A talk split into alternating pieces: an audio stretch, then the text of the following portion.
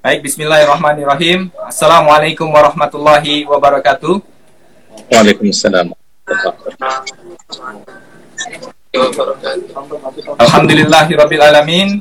Kita panjatkan kehadirat Allah Subhanahu wa taala yang telah memberikan syukur nikmat kepada kita semua sehingga pada sore yang berbahagia ini kita masih dapat berkumpul bersama melalui media online untuk dapat menghadiri kajian pada sore hari ini. Salawat dan salam selalu tercurah kepada Nabi Muhammad Sallallahu Alaihi Wasallam beserta kepada keluarga, kepada sahabat, serta kepada para pengikutnya yang setia sampai dengan akhir zaman. Semoga kita yang ada di sini uh, termasuk di dalamnya. Amin, amin ya robbal alamin. Sebelumnya perkenalkan nama saya Irwan dari BNI Live dan selamat datang di tausiah bersama BNI Live spesial di bulan suci Ramadan. BNI Live menyapa dan memberikan tausiah untuk siapa saja yang saat ini sedang berada di rumah. Baik, uh, sebelumnya saya ingin menyapa dulu kepada Direktur BNI Live, Ibu Neni Asriani. Assalamualaikum Bu Neni. Ada juga pemimpin divisi dari HCT Ibu Citra. Assalamualaikum Bu Citra. Waalaikumsalam Mas Irwan serta Bu Neni, Bapak Ibu semua, Pak Ustadz. Ya, baik Bunda. Dan jamaah lainnya ya, insan-insan BNI Live yang alhamdulillah sudah join dalam kajian online kita ini. Alhamdulillah kita pada sore hari ini mengadakan kajian, kita angkat tema mengenai optimalkan kebaikan di masa pandemi yang insya Allah akan dibawakan oleh Ustadz kita yang Alhamdulillah sudah hadir di tengah-tengah kita walaupun jadwal dari Ustadz ini cukup padat. Jadi kita perlu waktu untuk uh, mengatur jadwal beliau. Alhamdulillah selamat datang Ustadz Ahmad Sujai di BNI Live. Alhamdulillah khair. Baik, uh, mungkin kita informasikan nanti uh, dalam kajian ini kita akan mendengarkan tausiah kepada dari Ustadz, sekaligus nanti ada tanya jawab juga. Dan bagi yang beruntung penanya yang terbaik akan mendapatkan insya Allah hadiah. Dan jangan lupa untuk subscribe YouTube kita, follow akun kita BNI Live Instagram, Facebook, Twitter di BNI Live ID. Dan kalian bisa mendengarkan podcast BNI Live di Spotify, Apple Podcast. Dan BNI Live memberikan perlindungan untuk cover COVID. Jelajahi situs bnilive.co.id, tersedia layanan live chat, call center 15045, dan bisa email juga care at bni live.co.id untuk pertanyaannya. Baik, temanya yang seperti yang tadi saya sampaikan adalah optimalkan kebaikan di masa pandemi di Ramadan ke-18 ini. Bagi yang ingin bertanya, bisa menggunakan question box di samping komentar. Dan selama sesi tausiah, dimohon kepada jamaah untuk menonaktifkan mikrofon di mute ya. Baik, mungkin langsung saja kepada Ustadz untuk dapat memberikan tausiah. Mungkin waktunya kita berikan sekitar 20 menit mungkin uh, Ustadz ya Pak Ustadz ya. Nanti dilanjutkan dengan sesi tanya jawab. Baik, kepada Ustadz kami persilahkan. Baik, eh, jazakumullah khairan kasiran untuk eh, MC. Bismillahirrahmanirrahim. Assalamualaikum warahmatullahi wabarakatuh.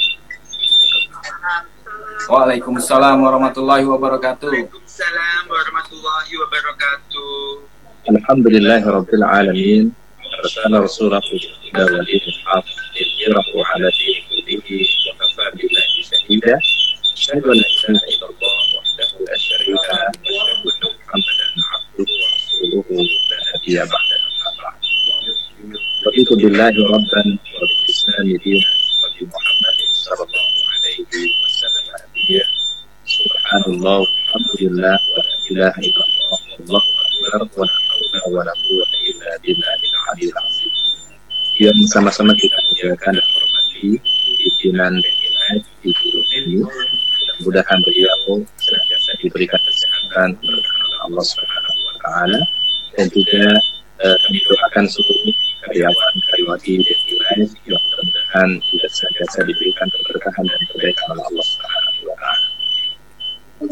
dan syukur marilah senantiasa kita lanjutkan di kesempatan sore hari ini.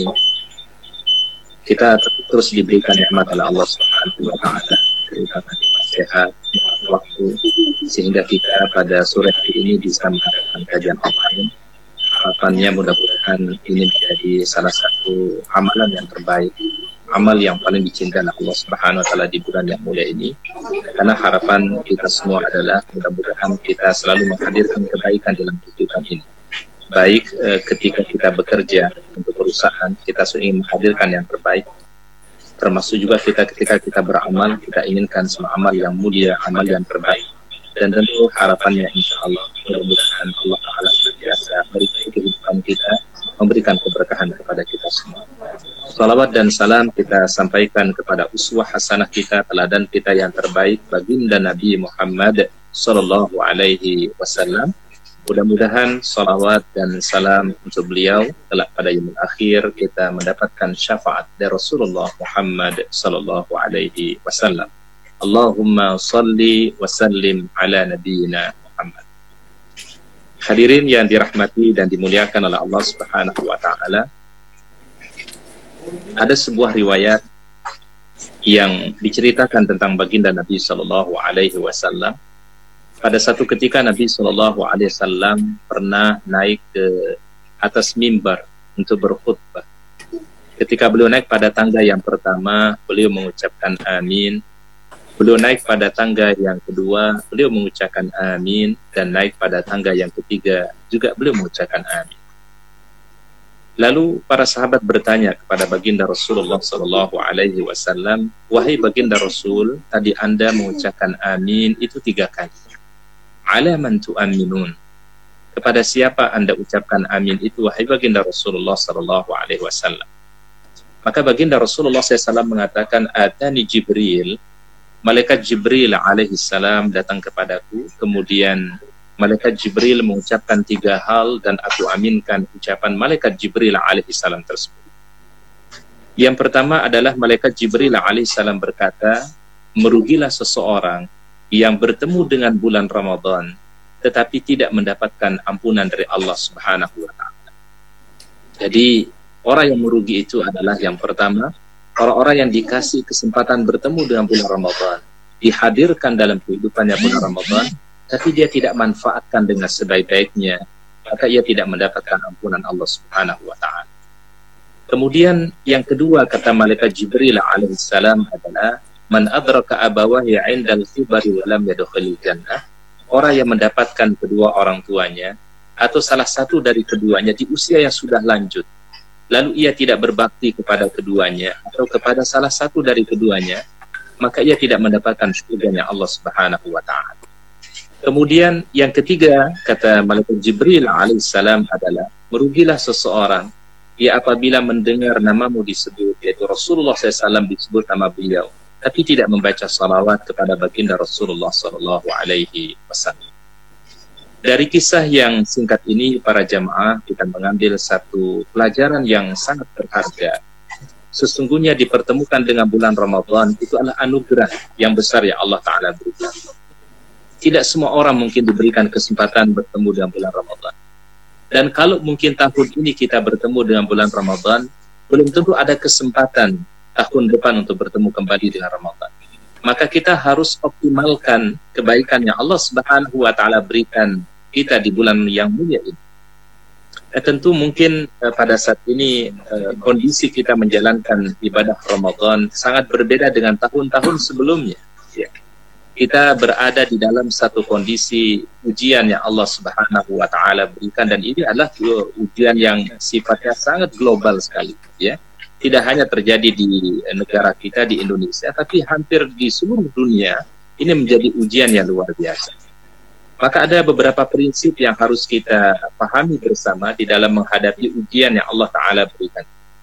Setidaknya ada tiga kaedah yang dipakai oleh para ulama di dalam menghadapi ujian ya yaitu COVID-19 ini. Kaedah yang pertama adalah para ulama mengatakan darul mafasid muqaddamin jalbil masal. Ya. Menghindarkan yang membahayakan itu lebih diutamakan dibandingkan mendatangkan maslahat. Jadi ketika kita menjaga diri kita, menjaga keluarga kita, menjaga orang-orang yang kita cintai dari hal-hal yang membawa kepada mudarat itu jauh lebih diutamakan dibandingkan uh, mendatangkan sebuah kemaslahatan. Nah, sehingga kita mungkin ibadahnya atau melakukan kebaikannya lebih banyak di rumah. Kita sholat lima waktu mungkin di rumah, kita sholat terawih mungkin di rumah, dan mungkin nanti kita akan idul fitri juga di rumah. Maka prinsip inilah yang memang digunakan oleh para ulama, darul mafasid muhaddam min jalbil masalih, yaitu menghindarkan mudarat lebih diutamakan dibandingkan mendatangkan sebuah kemaslahatan. Kemudian Prinsip yang kedua yang digunakan oleh para ulama di dalam hal ini adalah la darara wala dirar. Tidak boleh membawa bahaya untuk diri sendiri dan juga tidak boleh membahayakan orang lain, ya. Jadi tidak boleh membahayakan diri sendiri dan juga tidak boleh membawa bahaya kepada orang lain. Ya. Nah, ini kaidah yang kedua yang menjadi prinsip di dalam menghadapi ujian seperti saat sekarang. Kemudian prinsip yang ketiga yang diberikan oleh para ulama adalah ad-daruru yuzal segala bentuk mudarat, segala bentuk hal yang membahayakan itu harus kita hindari. Ya, bahkan uh, dalam sebuah hadis Rasul mengatakan firra minal juzani firaraka minal asad. Ya.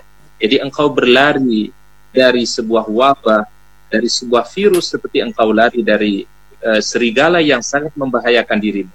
Jadi Rasul meminta kita untuk berlindung. Rasul SAW meminta kita untuk menghindar untuk menjaga keselamatan jiwa kita. Karena Islam ini memiliki satu tujuan yang disebut dengan hifdzun nafsi, menjaga jiwa, menjaga keselamatan. Ini merupakan maqasidus syariah, prinsip Islam yang sangat diutamakan. Mungkin kita bertanya-tanya para jamaah, Ustadz ketika kita beribadah di rumah, ya, mungkin sholat e, bersama keluarga, sholat dengan suami di rumah, sholat dengan anak di rumah, apakah akan mendapatkan kebaikan yang sama ketika kita kerjakan di masjid atau kita kerjakan berjamaah di masjid? Maka ada sebuah hadis yang merupakan satu kabar gembira untuk kita semua. Hadis ini diriwayatkan oleh Imam Al Bukhari dari baginda Rasulullah Sallallahu Alaihi Wasallam. Beliau bersabda, "Idza maridal abdu aw safara, kutiba ma yaf'alu sahihan aw muqimah." Jadi apabila seseorang dalam kondisi sakit, dalam kondisi menghadapi wabah, dalam kondisi dia melakukan perjalanan safar, lalu dia tidak bisa lakukan ibadah seperti yang dia lakukan secara normal, maka Allah Ta'ala tetap memberikan pahala seperti dia kerjakan dalam keadaan sehat dan seperti dia kerjakan dalam keadaan dia mungkin. Artinya adalah, walaupun ibadah kita di rumah, ya kita mungkin melaksanakan salat di rumah, kita ganti sholat Jumat, yaitu dengan sholat zuhur di rumah, atau mungkin nanti kita sholat di rumah kita masing-masing maka pahalanya tidak akan dikurangi sedikit pun oleh Allah Subhanahu wa taala. Karena inilah kondisi yang darurat yang kita hadap. Mungkin kita mendapatkan hikmah yang besar ketika kita menghadapi pandemi saat sekarang ini. Kita bisa lebih optimal untuk membaca Al-Qur'an. Kita bisa optimal berinteraksi dengan ayat-ayat Allah Subhanahu wa taala. Bayangkan para jamaah satu huruf yang kita baca dari Al-Qur'an Allah Taala memberikan 10 kebaikan. Dan tidak aku katakan alif lam mim itu satu huruf tapi alif satu huruf lam satu huruf dan mim satu huruf. Jadi ketika kita membaca alif lam mim saja, Allah Ta'ala telah memberikan 30 kebaikan kepada kita semua. Dan ini kita bisa optimalkan dalam kondisi pandemi seperti saat sekarang ini, yaitu interaksi dengan Al-Quran. Bahkan Allah Subhanahu wa taala menyebutkan uh, satu tawaran kepada kita semua para jamaah ya di dalam surat Fatir ya pada ayat yang ke-29 dan ayat 30 Allah Subhanahu wa taala berfirman innal ladzina yatluna kitaballah wa aqamus salah wa anfaqu mimma razaqnahum sirran wa alaniyatan yarjuna tijaratan lan tabur Sesungguhnya orang-orang yang membaca Al-Quran, orang-orang yang mendirikan salat, orang-orang yang menginfakkan hartanya, baik dengan cara terang-terangan ataupun dengan cara yang sembunyi-sembunyi. Mereka mengharapkan perniagaan bisnis yang tidak akan pernah mengalami kerugian. Jadi di sini ada tiga tawaran dari Allah Subhanahu wa taala untuk kita semua. Ada tiga tawaran ya bisnis yang terbaik, perniagaan yang terbaik yang tidak akan pernah mendatangkan kerugian di sisi Allah Subhanahu wa taala. Tiga perniagaan itu firman Allah taala pertama adalah orang-orang yang senantiasa interaksi dengan Al-Qur'an. Ya, sehingga kita optimalkan di bulan yang mulia ini untuk membaca Quran, tilawah Al-Quran, membaca terjemahannya, membaca tafsirannya, memahami makna-makna dari setiap ayat Al-Quran. Kemudian eh, yang kedua, tawaran yang kedua dari Allah Ta'ala, wa aqamus salat, orang-orang yang menjaga salatnya, baik eh, salat fardu ataupun salat sunnah. ya. Kemudian, wa anfaqu mimma razaqnahum, orang-orang yang menginfakkan hartanya di jalan Allah Ta'ala sirron wa alaniyatan baik dengan cara terang-terangan ataupun dengan cara sembunyi-sembunyi maka itu merupakan tijarah lan tabur perniagaan yang tidak akan pernah mengalami kerugian di sisi Allah Subhanahu wa taala. Jadi masa pandemi saat sekarang ini adalah sangat uh, pantas untuk kita mengisi waktu kita untuk berinteraksi dengan ayat-ayat Allah Subhanahu wa taala. Dan juga Al-Qur'an ini akan menjadi syafaat bagi kita semua, ya nanti ya, pada hari kiamat Al-Quran ini akan menjadi syafaat penolong di hadapan Allah Ta'ala. Ya Allah, Ya Rabbu, dulu aku tahan hambamu dari istirahatnya semata-mata untuk membacaku maka berikanlah syafaat kepada hambamu ini. Al-Quran akan memberikan syafaat. Al-Quran akan memintakan syafaat kepada Allah Subhanahu wa Ta'ala. Termasuk di antaranya Rasulullah SAW mengatakan kalau orang membaca surat At-Tabarat, surat Al-Mulk, Allah Ta'ala akan memberikan uh, perlindungan, dari adab kubur dan surat itu pun juga akan menjadi uh, apa namanya syafaat dia nanti di hadapan Allah Subhanahu wa taala. Jadi ini yang kedua, yang pertama adalah yaitu bagaimana optimalkan kebaikan tadi berupa at-ta'ayush Quran, interaksi dengan Al-Quran. Kemudian yang kedua adalah ya, kebaikan yang perlu kita optimalkan adalah bagaimana menjalankan uh, pekerjaan dengan baik, ya. Bagaimana kita menjalankan aktivitas bekerja kita pun juga dengan baik karena sesungguhnya prinsip Islam mengenai bekerja itu bekerja bukan hanya sekedar uh, tuntutan, tetapi bekerja adalah bagian daripada ibadah kepada Allah Subhanahu wa taala, ya. Uh, bukankah kita semua memiliki komitmen, ya? Inna salati wa nusuki wa mahyaya wa mamati lillahi rabbil alamin.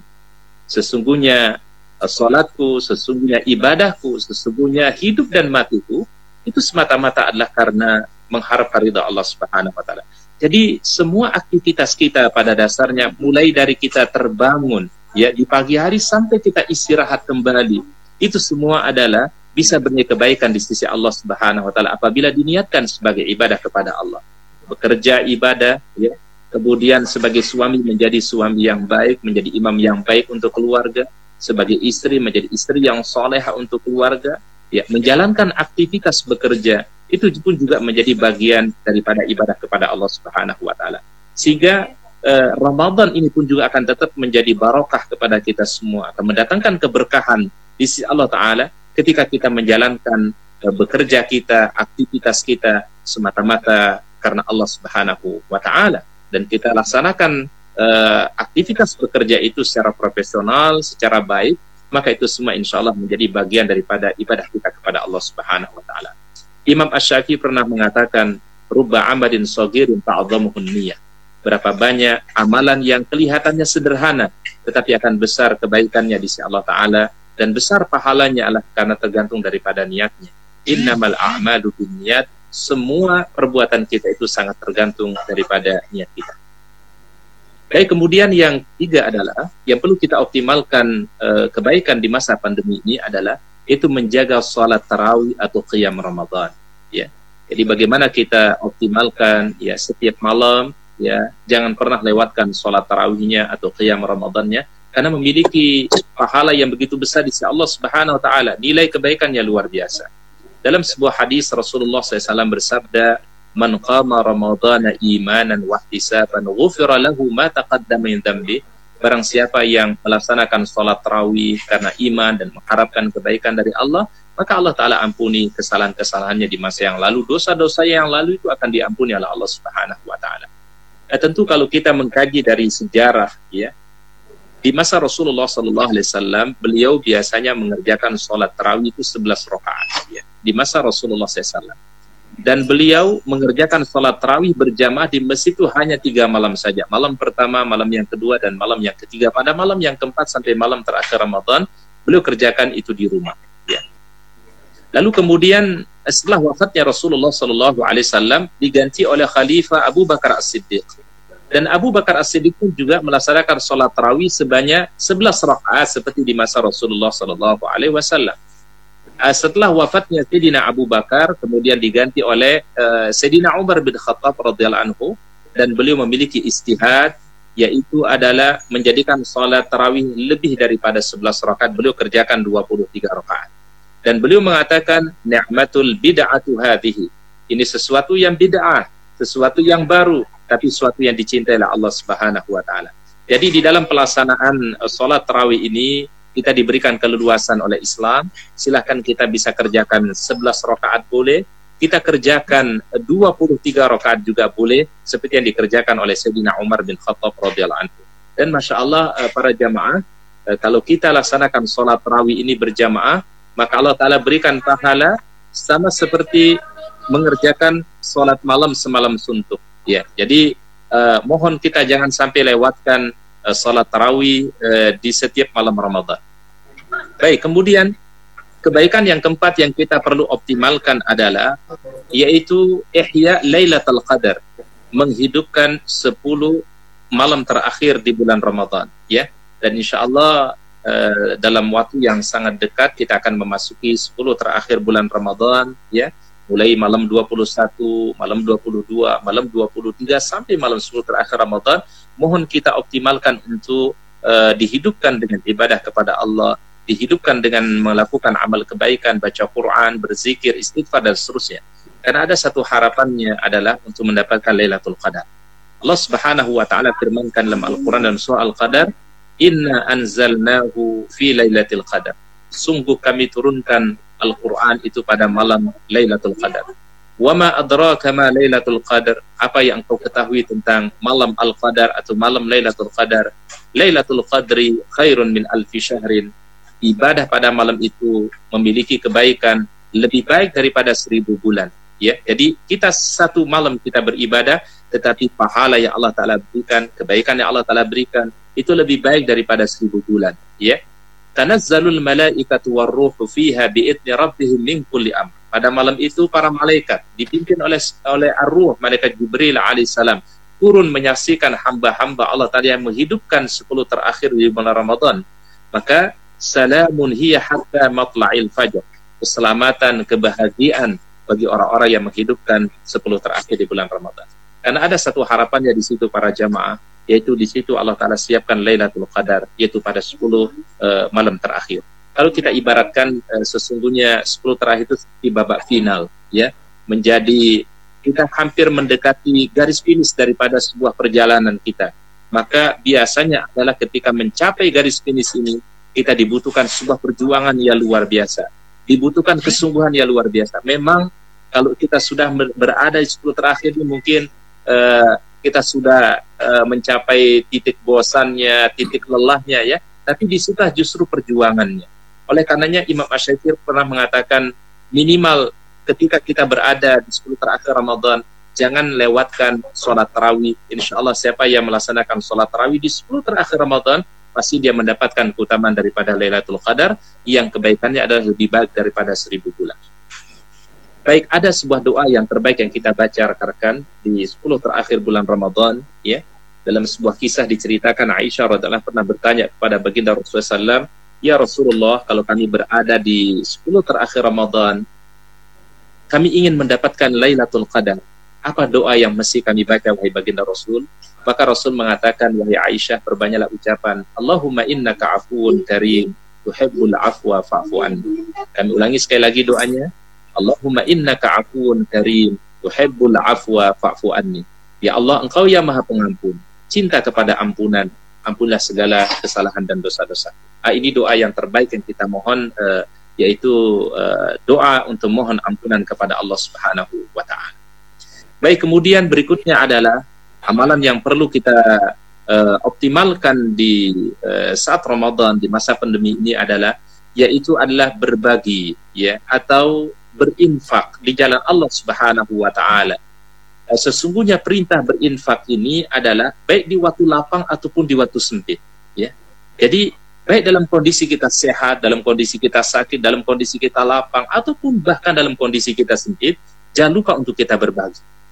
Karena Al-Quran memberikan sebuah prinsip kepada kita semua dalam uh, surat yang ketiga, surah Ali Imran, ayat 133 sampai 134, Allah Ta'ala firmankan, wasari'u ila maghfiratin min rabbikum wa jannatin 'arduha as-samawati wal muttaqin bersegeralah untuk meraih ampunan Allah dan surganya Allah Ta'ala yang luasnya lebihi daripada langit dan bumi.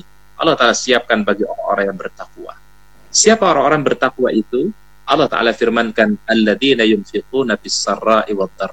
Orang-orang yang berbagi, eh, di waktu lapang ataupun di waktu sedih. Di saat kita diberikan kesehatan, di saat kita diberikan uh, kondisi sakit, di saat dalam kondisi kita diberikan karunia oleh Allah Ta'ala, hatta dalam kondisi kita kesulitan, maka tetap harus kita berbagi. Dan ini prinsip yang diberikan oleh Al-Quran. Karena sesungguhnya justru dengan berbagi Allah Ta'ala berikan kebahagiaan.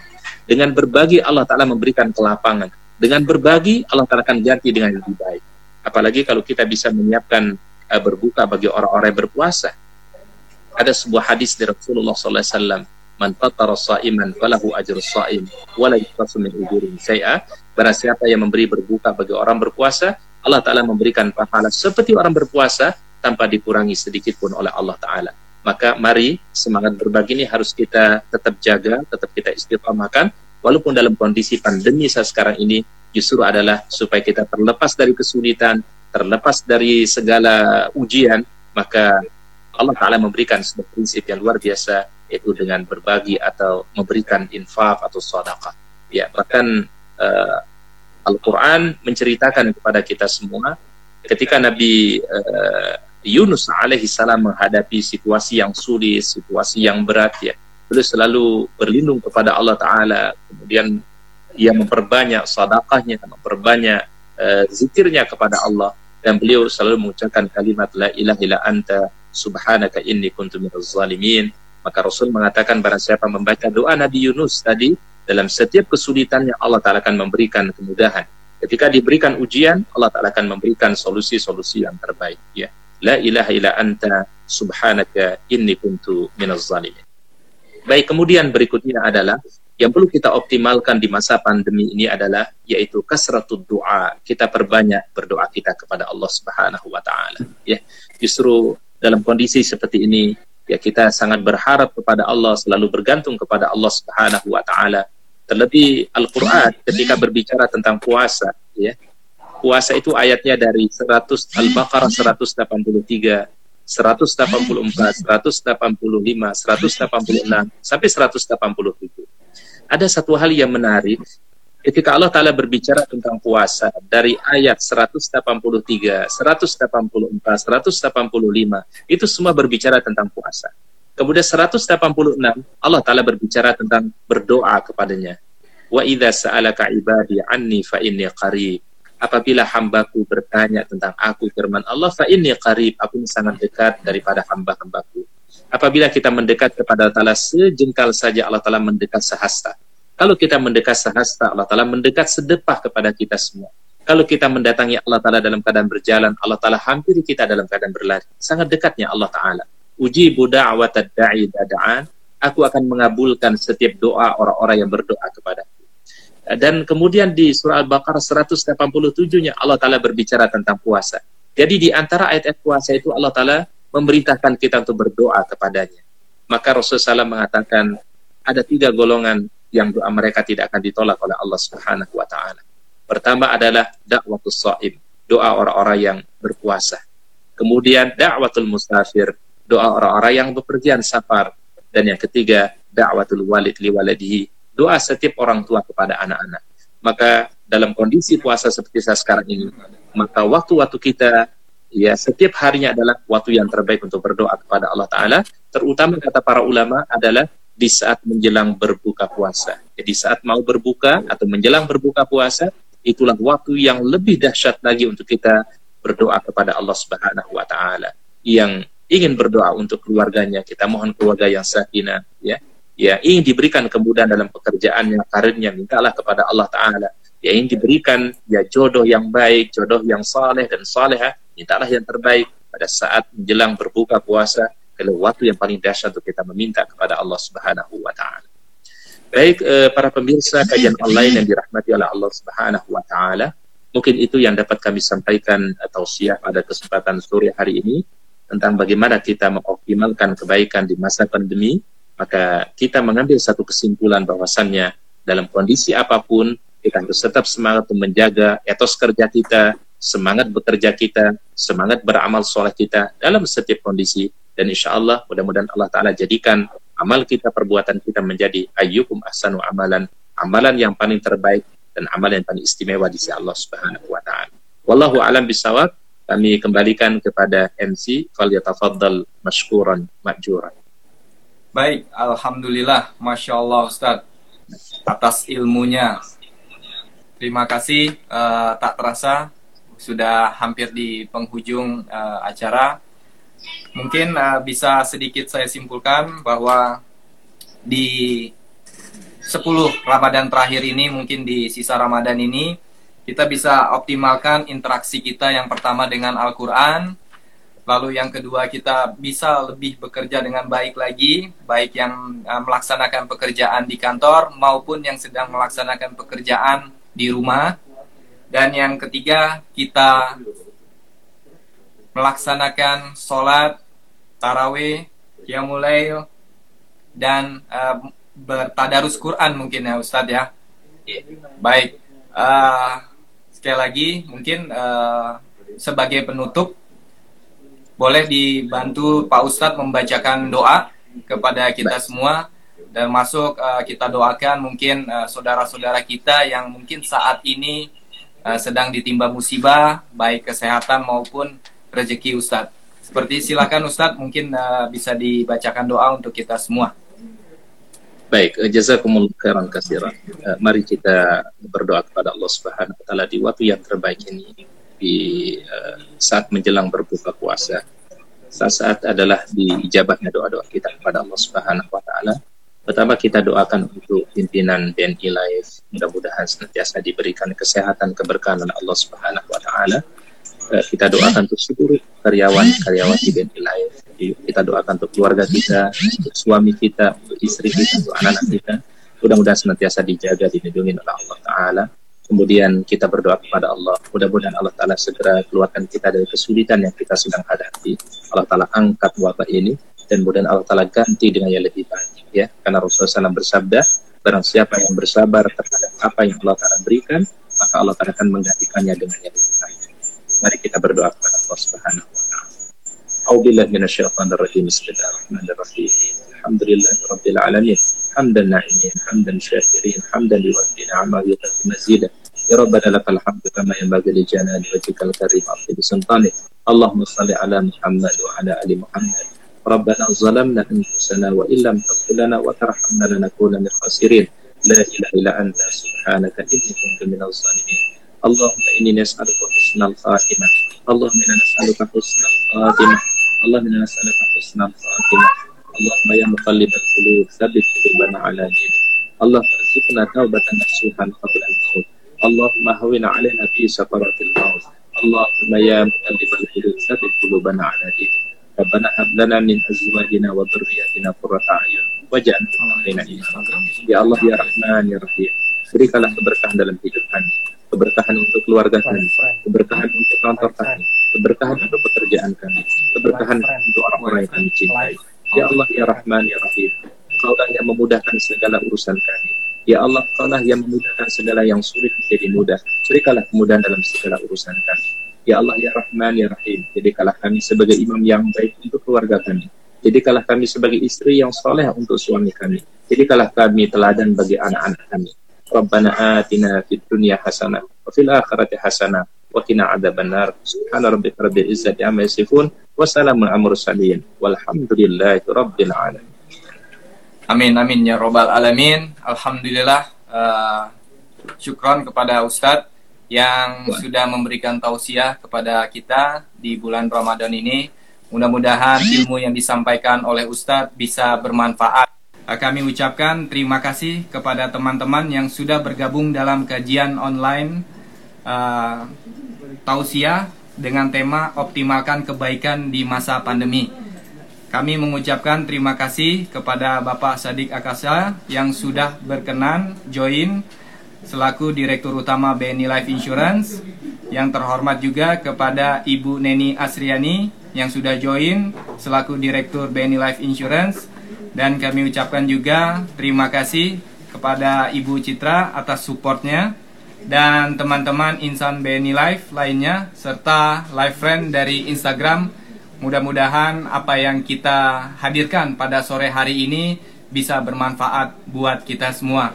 Saya mewakili dari uh, seluruh tim mengucapkan terima kasih. Jazakumullah khairan kasir dan memohon maaf bila ada salah-salah kata. Sekaligus saya ingatkan kembali sebagai bentuk uh, protokoler atas kesehatan kita. Semoga kita semua sehat dan tetap fit sekali lagi saya mau mengingatkan untuk tetap menjaga jarak kita dan tetap di rumah aja. Wajib menggunakan masker dan jaga jarak. Sekali lagi saya mengucapkan terima kasih yang sebesar-besarnya kepada teman-teman dan live friend khususnya kepada Ustadz juga. Mudah-mudahan kita uh, bisa bertemu di waktu yang lain. Sebagai penutup kita bacakan uh, doa Majlis Kafaratul Masjid Subhanakallahumma wa bihamdika asyhadu an la ilaha illa anta astaghfiruka wa atubu ilaihi. Saya Erwan mohon pamit undur diri. Billahi taufik wal hidayah. Wassalamualaikum warahmatullahi wabarakatuh.